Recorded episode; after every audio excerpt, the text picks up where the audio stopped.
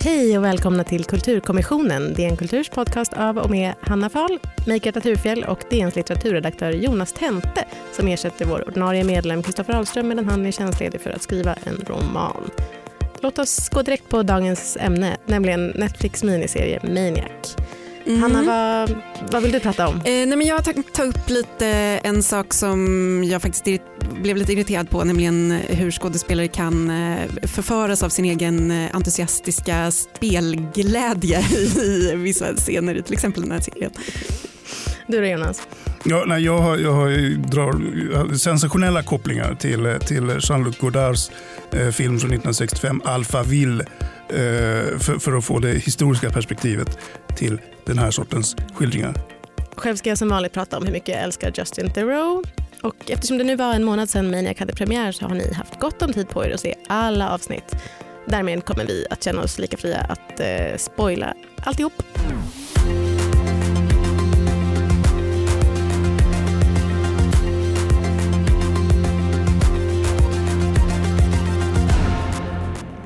Maniac handlar om Annie och Owen.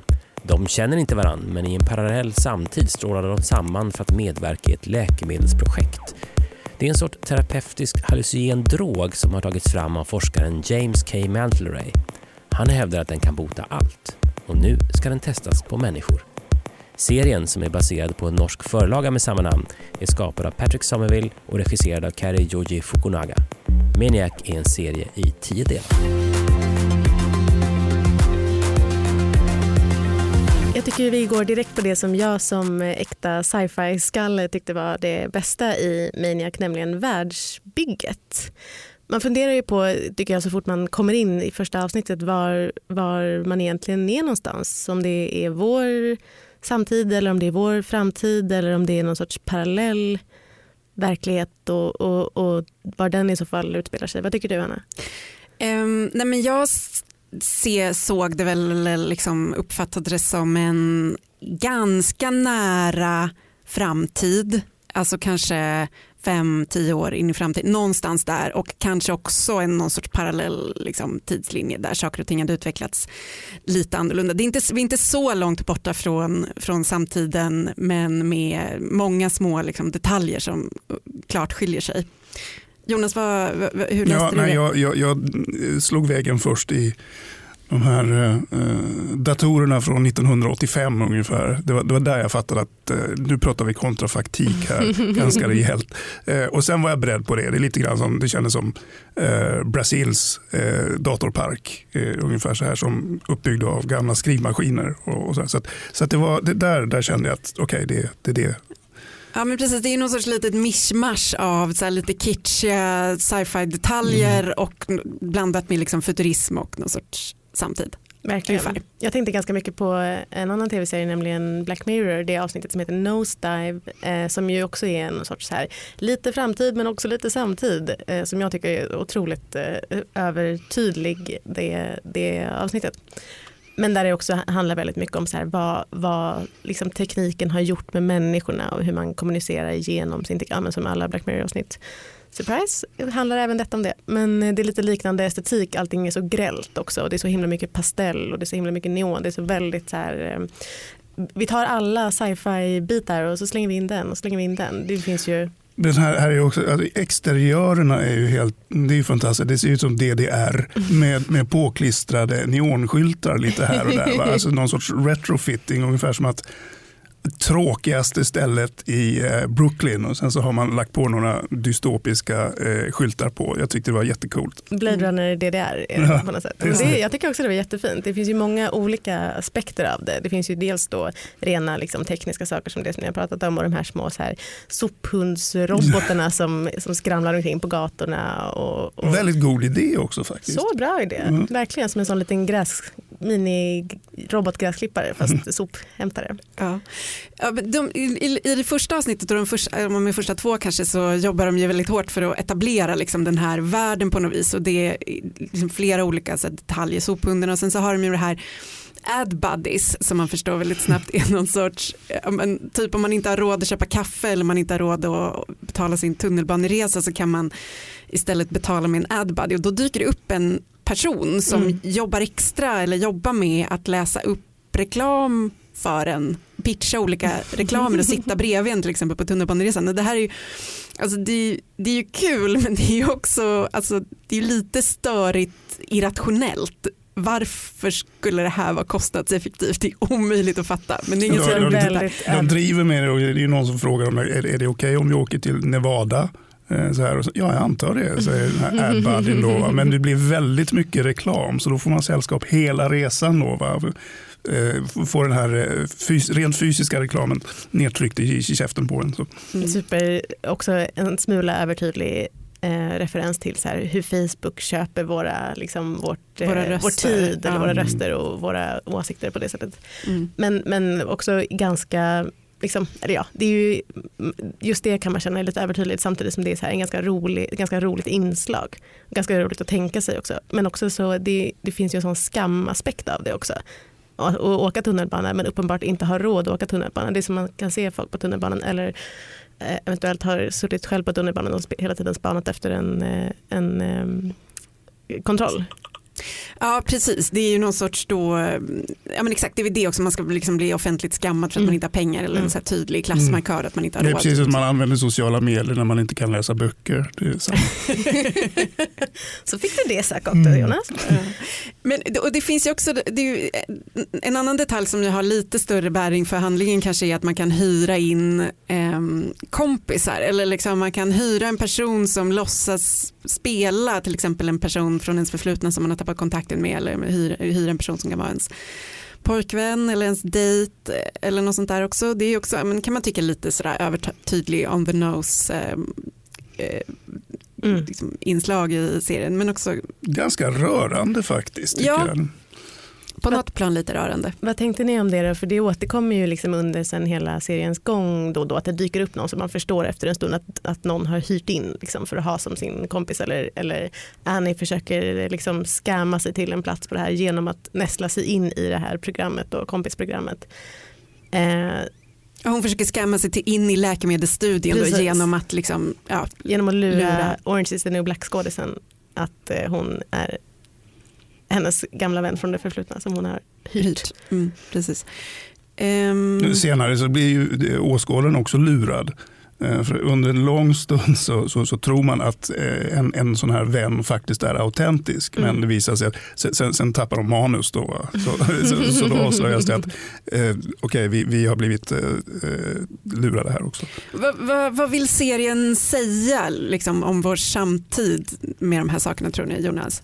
Eh, ja, alltså det, är ju, det är ju en satir eh, får man säga. Eh, helt klart. Men, men jag, eh, jag, jag såg ju mycket tidigare film som, som förlaga till den här. Eh, Jean-Luc Godards Alphaville från 65. Eh, som har en liknande värld och där eh, Alphaville är ju en stad som är kontrollerad av en dator.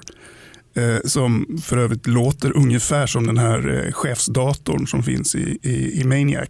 Som pratar Greta. mycket- Ja, just det, Greta. Om jag får be. I, I Alphaville så heter den Alpha 60. Eh, och den, vill, eh, den vill ta bort alla känslor. Eh, så det är förbjudet att läsa, det är förbjudet att ha känslor. Det, alltså det anses vara någonting negativt. Det, det lustiga som sägs i filmen också är att det, just det här programmet, det här med att ta bort känslor och omdefiniera ord som, blir, som, som kan kännas besvärliga, har funkat speciellt bra i Tyskland, USA och Sverige.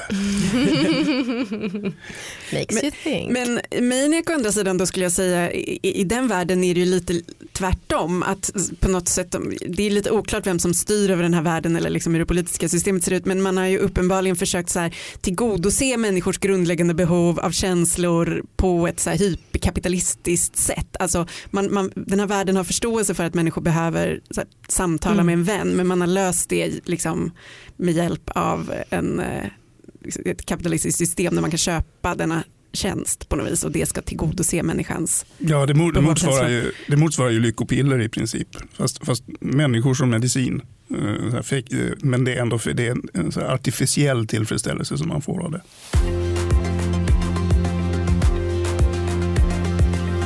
I de första avsnitten så får vi känna då den här verkliga världen, världen som vi precis har talat om och sen så, sen så kastas vi in i, i de världar, ny värld efter ny värld på något sätt som, som är en del av det experiment som Annie och Owen deltar i. Mm, vi kanske ska förklara det här läkemedelsexperimentet också lite grann. Det är ju, alltså bakgrunden är att Annie och Owen båda har grava psykiska problem kan man säga och alla de här deltagarna i läkemedelsexperimentet har ju det. Mm. Eh, och, eh, experimentet går ut på en ny, tre olika droger eller mediciner och en superdator som genom då drogerna och superdatorn så ska man på något sätt kunna omprogrammera människors hjärnor och fixa i princip liksom vilken psykisk åkomma som helst. Mm. Så Annie Owen stängs in i ett labb och eh, får genomgå liksom, omgång efter omgång av att kastas in i sina egna fantasier huvuden, för, huvuden mm. för att bearbeta sitt eget förflutna på något vis. Då. Um, det ja. finns naturligtvis också en dold agenda här som, som som datorn, det vet alla som överhuvudtaget har sett en film med en superdator vet att den har en egen agenda. Som, det, det, det, det, är på något vis en förutsättning. Greta har alltid en egen Greta. agenda. Mm. Ja, så då liksom får man följa då i avsnitt efter, efter avsnitt hur de eh, kastas in i olika eh, världar då jag tänkte vi bara skulle gå igenom de här världarna så att vi har dem färskt i minnet. Det första världen är då den här superfula 80-talsvärlden där Annie och Owen möts och ska rädda en, en eh, snodd lemur. Mm. och sen så finns det då den jättesnygga världen där eh, Annie och Owen ska tävla om vem som kan stjäla sista kapitlet av Don Quixote i en sån eh, slottsmiljö med super snygg slottsmiljö. Mm. Sen finns det fantasyvärlden där de båda, där, där Annie och Annies lilla syster Ellie är alver. Mm. Och så finns det sci-fi-världen där Owen eh, har råkat bli en eh, isländsk eh, herre som heter Snorri som har råkat döda en alien och därmed startat krig med rymden. Och mobstervärlden, maffiavärlden där eh, Owen har jättelånga flätor och eh, möter en tjej som inte är Annie. Mm. Ja, serien tar ju liksom en ganska så tvärt vändning efter de första, vad, vad är det, två, mm. två, tre avsnitten sådär. Från att ha varit utspelat i den här då futuristiska världen, futuristiska New York ska det väl vara, så blir avsnitten snarare någon sorts genreparodier mm. som utspelar sig in i Annie Owens huvuden. Då. Vad, vad tyckte ni om den så här, tvärta vändningen i, i serien? alltså, det här det är, det är psykodrama, eh, då, alltså psykoanalytisk metod. Och i de här, man ser dem och efterhand så börjar man se hur de här personerna som är viktiga i de, de eh, drömmarnas, det vill säga de, de eh, vad kallar vi patienternas världar, mm. de kommer ju in och spelar roller, olika sorters roller i de här. Byts ut, de kan vara biroller, huvudroller, men det är naturligtvis mamman, pappan kommer in, brodern kommer in etc. och bearbetar det här på ett väldigt intrikat sätt, eh, tycker jag faktiskt. Jag tycker det var väldigt begåvat upplagt. Mm. Det är väldigt roligt, men om man är förtjust i den sortens serier som det har kommit rätt många av på sista, senaste åren där, där samma skådespelare spelar jättemycket olika karaktärer så är det ju roligt, man är ju alltid nöjd när man liksom tar det på en gång. Så här, ja, där är den, det är den personen och då kan man liksom tolka så här hur, varför de förhåller sig till varandra som de gör och så där. Det tycker jag det var jättesnyggt gjort och roligt men det var inte alltid helt lätt att se. Ibland liksom tog det mig tills jag läste på IMDB typ innan jag förstod att vem som var vem. Ja, ja. Den var den personen. Så här. Men det var, det var... Ja, när till, till och med lemuren byter skepnad och blir en hund i vissa avsnitt och kan, rent av en fågel eller någonting sånt där. Så man, man, har väldigt mycket att hålla reda på. Men eh, å andra sidan, det är det omedvetna hos de här personerna så, så ska det väl vara, hoppas jag. Mm. Mm, precis, och, och, meningar som de säger återkommer och sånt där också. Det var väldigt fint gjort. Den har beskrivits som så här, en genrelös tv-serie men det är mer som att det var så himla roligt att få göra alla genrer. Att man bara, men vi kan, göra det här, vi kan göra det här och det är ju väldigt tacksamt för en serieskapare och en regissör kan jag tänka mig att bara få gå all in. Mm, jag, tycker också, upp sig på allt. jag tycker också att man känner, det, det, det, kanske jag störde mig lite på i scenen, att man känner att det är väldigt roligt för skådespelarna också. på något vis. Att de har så gått igång så himla mycket på att få, få göra de här genrerna att och kanske regissörerna också, att det näst, alltså, man går lite, lite för långt ibland. Det är lite för mycket spelglädje i vissa scener. Jag kan inte komma på någon specifik nu men ibland så liksom drar de det lite, lite, lite långt. Man känner sig att de själva tycker att det är som en så rolig skådespelarworkshop för dem att få så här, kasta sig mellan. Sant, men det, det, det är också det här att de, det blir det här, den här överdriften då, som, som, som naturligtvis blir så när man leker ut sina drömmar och fantasier i, i, när, man, när man får lov att gå all in på det. Eh, sådär. Men genomgående i alla de här episoderna så är det det här med de extremt undergivna manliga karaktärerna, framförallt huvudrollen och den, eh, i, i motsats till de extremt bitchiga kvinnliga karaktärerna. Alltså, det, det, är också, det är en sån genomgående grej. För här är, här är kvinnor som är starka då, och män som är buttra, vemodiga typer, eftergivna. Mm, mm. Det, det, det är en sån här tråd. Absolut en tråd och um, um, det är ju väldigt mycket olika trassliga antingen bokstavliga modersrelationer, mamma-son eller på något sätt så här, kvinnor som får ta en modersroll och en komplicerad relation till en man. Så det är ju någon sorts väldigt djupgående freudianskt mm. tema här som, eh, som man försöker utforska. Sannligen. Mm. Det här med att eh, Owen och Annie, för det här, jag måste bara få fråga en sak som jag inte riktigt förstår nämligen. Att Owen och Annie hela tiden möts i världarna som de drömmer är ju inte meningen. Det försöker ju liksom labbpersonerna som, som övervakar testet hela tiden ändra på genom att flytta på deras, liksom, vad det nu är, hjärnvågor eller någonting. Men ändå så möts de gång på gång och liksom letar sig fram till varandra och, och det blir mer och mer tydligt med liksom, ju längre serien går att de verkligen försöker aktivt hitta varandra i drömmarna. Hur tolkade ni det? Nej, men det finns ju en väldigt bokstavlig förklaring till det som man kanske i och för sig var ganska lätt att missa om man, inte, om man blinkade i ett ögonblick. Men den här superdatorn eh, är ju då hjärtekrossad ah, ja. för att den stora kärlek i livet som var en, en, han som skötte labbet från början mm. har dött.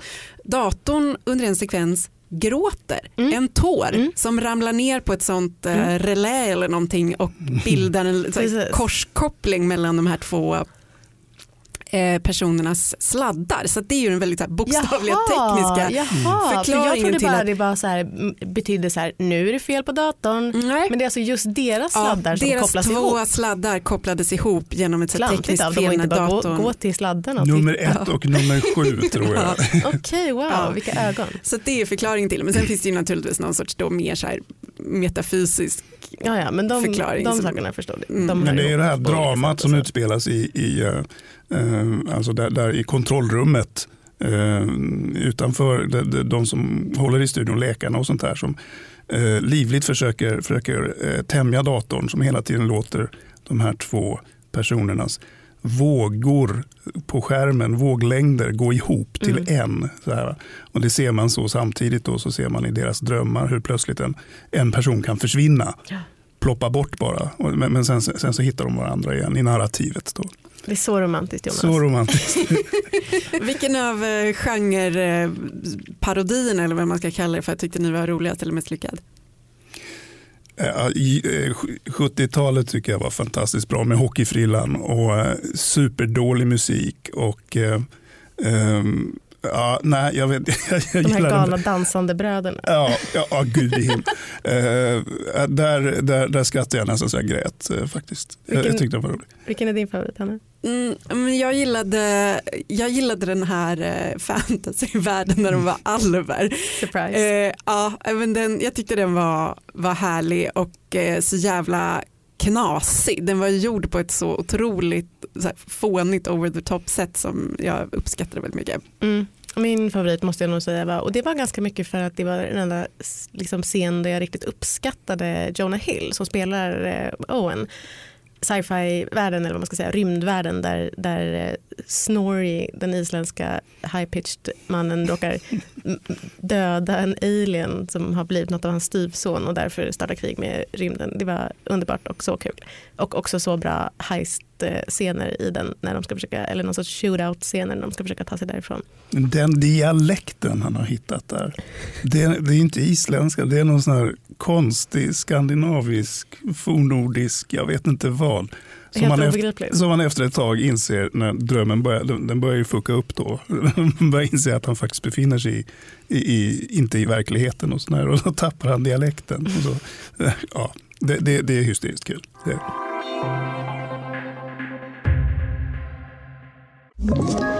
Ett poddtips från Podplay. I podden Något Kaiko garanterar östgötarna Brutti och jag, Davva, dig en stor dos skratt. Där följer jag pladask för köttätandet igen. Man är lite som en jävla vampyr. Man har fått lite blodsmak och då måste man ha mer. Udda spaningar, fängslande anekdoter och en och annan arg rant. Jag måste ha mitt kaffe på morgonen för annars är jag ingen trevlig människa. Då är du ingen trevlig människa, punkt. Något Kaiko, hör du på Podplay. Därför. Vi pratade ju lite om den här medicinen då, den här terapiformen som, som eh, Dr. Mantle Ray har tagit fram och sen blivit eh, bortkopplad från, från projektet för. Men sen återigen eh, dyker upp, kommer tillbaka. Dr. Mantle Ray spelad av underbara Justin Theroux. Jag måste få säga att jag älskar Justin Theroux så mycket. Det är min roll i podden att säga att jag älskar olika män så mycket men också vilken otrolig, otrolig skådespelare och karaktär. Det finns tre piller då som är de här som de med hjälp av superdatorn ska, ska föras in i sina undermedvetna och, och hålla på med olika saker. A-pillret, B-pillret och C-pillret som kan bota eh, allt. Blev ni sugna? Ehm, nej.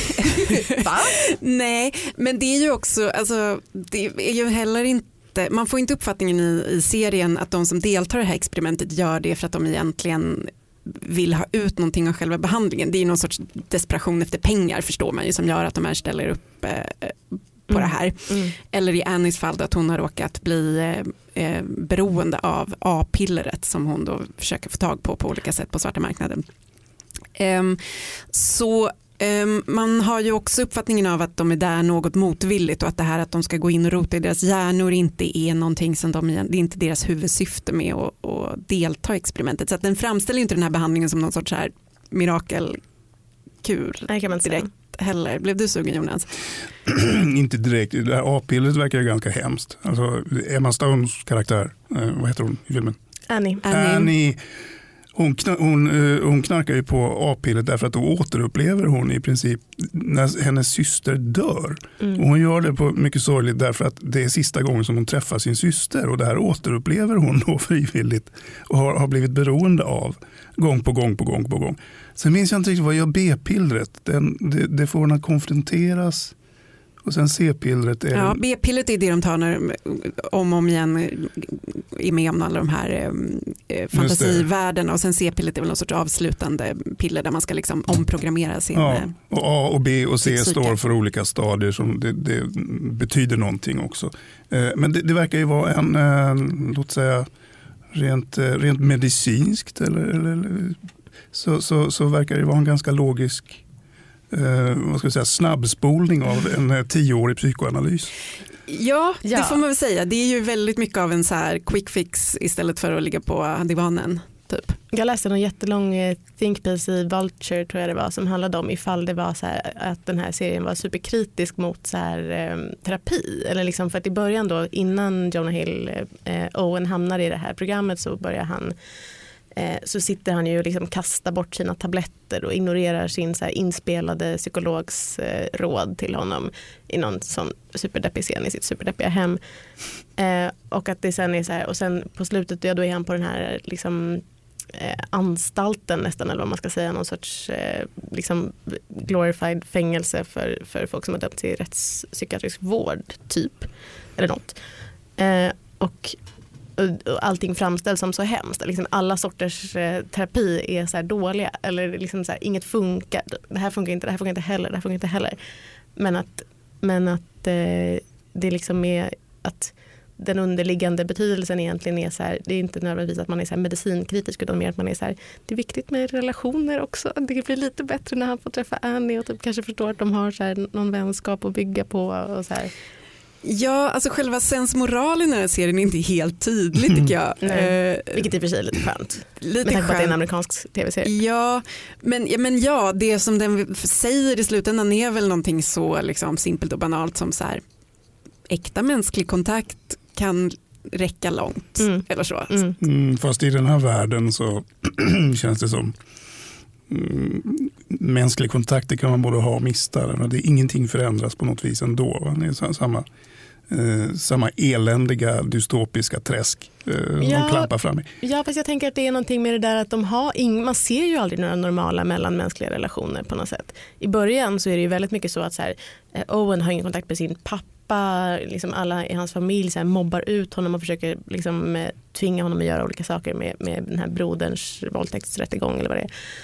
Eh, och att det är så mycket som, som är så här att man, det enda man får se är de här superforcerade relationerna som man antingen har betalat för eller att när Annie går och ska träffa sin pappa så ligger han i en så här jättekonstig rymdkapsel och vägrar komma ut och, och hon bara kan, du, kan vi snälla prata? Och han bara jag vill inte prata. Alltså det är en jättekonstig, ingen kan mötas och sen så på slutet så får de ändå mötas och, och Dr. Mantelray och Dr. Mantelrays eh, medhjälpare får också eh, mötas. Hon som heter Dr. Fujita som också är en otrolig skådespelare. Så mysigt. Så Mm. mysigt i de scenerna där de är tillsammans.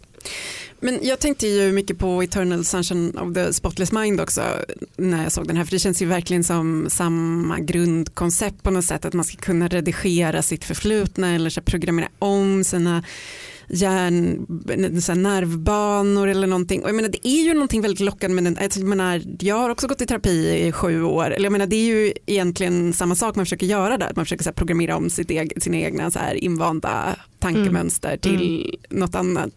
Eh, ja, det var en, ett påstående mer än en fråga men håller ni Nej, det, med mig? det, ja, absolut. Det- här är den här Philip K. Dickska eh, som, som Philip K. Dick eh, fantiserade ihop. Eh, tre på raken under påverkan av eh, starka droger, amfetamin framförallt, eh, som väldigt mycket hade med förflyttningar, redigering av, av minnet, av jaget, av personen eh, etc. Och, sådär. och det där har blivit mer relevant, alltså hans eh, eh, hans teorier och utläggningar som återkommer, som, som i, i Eternal Sunshine då, som du nämnde. Och i olika eh, serier som bygger på att man åker tillbaka, ska redigera, ska lösa mord, ska eh, hamna i alternativa verkligheter etc. Sådär. Eh, där kan man ju fundera på varför det där har blivit så, eh, så väldigt relevant. Eller blir allt mer ju längre vi framåt vi går mot vår undergång. Då. Ja, men det är ju någon sorts så här grundläggande så här avgrundshopplöst med tanken på att det förflutna är omöjligt att förändra. Alltså jag menar, det är en sån så existentiell panik man kan få kring att så här, det som är gjort är gjort och det finns liksom ingen möjlighet att, att förändra det och ens hjärna är som den är och det går liksom inte, all, allting bara skrivet. Jag menar, det är klart att det är en så lockande tanke att förändra på den grundläggande här, universums lag om tidens gång på något sätt antar jag. Ja, inte bara, inte bara i, alltså språkligt så börjar vi ju nu mer och mer redigera historien. Det är helt okej att lögner blir sanning, sanning blir lögn etc. Och sådär. Och det, är- om jag återigen får tjata om den här filmen Alphaville. Där har vi på, I varje bostad så finns det ett lexikon som uppdateras varje dag. Eh, definitionerna förändras och så vidare. Så man kan se vissa ord bleknar bort för de, de, de finns inte längre. Andra tillkommer, några andra får definitioner och sånt där. Så det, det är en aktiv historieskrivning eh, pågående, ständigt pågående. Efter det muntra inspelet från Jonas så tänkte jag att vi skulle ta och avrunda eh, nämligen genom att ge ett eh, betyg på DNs eh, sexgradiga skala från 0 till 5. Du får börja Hanna. Um, ja, den här, det här är en svår serie tycker jag att betygsätta. Och, och om man liksom tittar på vad den har fått för kritik så är det väldigt, väldigt blandad också. Det har liksom allt från rena sågningar till, till eh, euforiska hyllningar. Och den är ju knepig på det sättet att den är ehm, den är, den är kitsch och den är ehm, ganska, ganska simpla grepp man använder på vissa sätt. Samtidigt som jag tycker att liksom hur grundhistorien är sammanvävd och eh, som Jonas var inne på att det är väldigt, väldigt snyggt och subtilt gjort ändå de här eh, kopplingarna mellan de olika drömvärldarna. Eh, jag, är väl, jag känner mig kluven till den här serien. Jag tyckte mycket om den, eh, såg den i princip i ett streck och men jag har nog svårt att ge den mer än kanske en stark trea ändå. Mm. Du då Jonas? Jo, jag, jag bingade den också. Eh, sådär, det tror jag man måste göra. Och kriteriet på en riktigt bra serie är att man om ett halvår så kan man se om den. Jag tror inte jag ska se om den här. Eh, där fanns, där fanns eh, inslag som jag gärna skulle ha på någon eh, 30 minuters kompilation eller så. Men, eh, men jag, jag, och, och fascinerande vacker. Jag håller, jag håller fullständigt med, med Hanna där om en, en eh, trea. En eh, neontrea. Mm. Men intressant. Jag tror att jag har nog gillat den ju mer jag har tänkt på den i efterhand. Också för att jag tänkte som du Jonas, kan man se om den? Och så tänkte jag, kanske inte allt, men det finns rätt mycket som jag ändå skulle vilja se om. Jag tror att, man, jag tror att det kanske är en sån serie som blir bättre om man ser den en andra gång för att man har viss förförståelse, man kan känna igen saker, man kan se mer av de här, så här små pyttesakerna som jag alltid är så dålig på att se. Nej, den får nog fan en eh, fyra. Då har det blivit dags för veckans bästa mening. Jag har bett er två och även mig själv att ta med eh, det bästa ni har läst i veckan, ur allt ni någonsin har läst ur veckan. Eh, Jonas, du kan få börja. Du har med dig en bok. Jag har med mig en bok som Mm. kom ut i svensk översättning i um, måndags eh, faktiskt, som jag har läst. Det är av eh, Virginie, heter hon i förnamn, det står, det står bara hennes efternamn här. Eh, Despant, eh, den franska författaren som, är- som mest känd för att ha skrivit manuset till den famösa filmen Baisse-moi som eh, diskuterades livligt på kultursidor och annorstädes för en 15 år sedan eller så. Den här boken är del ett av tre, eh, antihjälten Vernon Subutex. Och den heter Vernon Subutex, alltså det här är meningen för att fortsätta min, min, min glada, eh, glada budskap. Munter som alltid. Ja, munter som alltid. Här har vi den. Livet spelar ofta sina matcher i två halvlekar. I första halvlek vaggas man till ro och luras att tro att man leder. Men i den andra, när det syns att man slappnat av och sänkt garden, då kommer livet med sin retur och gör slut på en. Äh. Vilken otrolig läsröst. Ja. Att Ja. ingen har värvat dig som ljudboksinläsare. Eh, Är det Alternativ för att du hatar ljudböcker? Ja. jag, jag läser bara min egen poesi för mig själv. Stark mening, rekommenderar du boken eller? Ska Ja, den är Mm. jätterolig och den är, jag tror, jag tror hon, hon gör upp räkningen med alla sorters människor, alla kön, alla yrken, hela verkligheten. Hon är väldigt arg och väldigt rolig. Det var kul. Eh, jag ska läsa en lite mer eh, försonande mening kan man väl säga, eller ett par meningar i ärlighetens namn. Det är nämligen så att i en intervju med Howard Stern så har den amerikanska komikern Sarah Silverman pratat om sin eh, kompis Louis CK som blev metoo-anklagad häromsistens. Och hon tyckte hon bara sa så himla bra saker om metoo. Jag har inte sett någon riktigt säga det på det här sättet tidigare. Hon säger så här I'm not saying that's okay because once you got famous, even just in the comedy community, that changes everything and it makes it not okay, including, as you said, even putting these women in a predicament. It took him a long time to realize that that was not okay. I'm not saying they shouldn't be punished or whatever, but they're dead to the world. And then these schmucks that deny, deny, deny, no matter how much proof there is. And I'm talking about Donald Trump, I'm talking about Kavanaugh. Eh, Jag vet inte varför jag kände att det var sånt Galaxy Brain-uttalande. Hon säger massa fler saker. Man kan med fördel kolla på hela den här intervjun.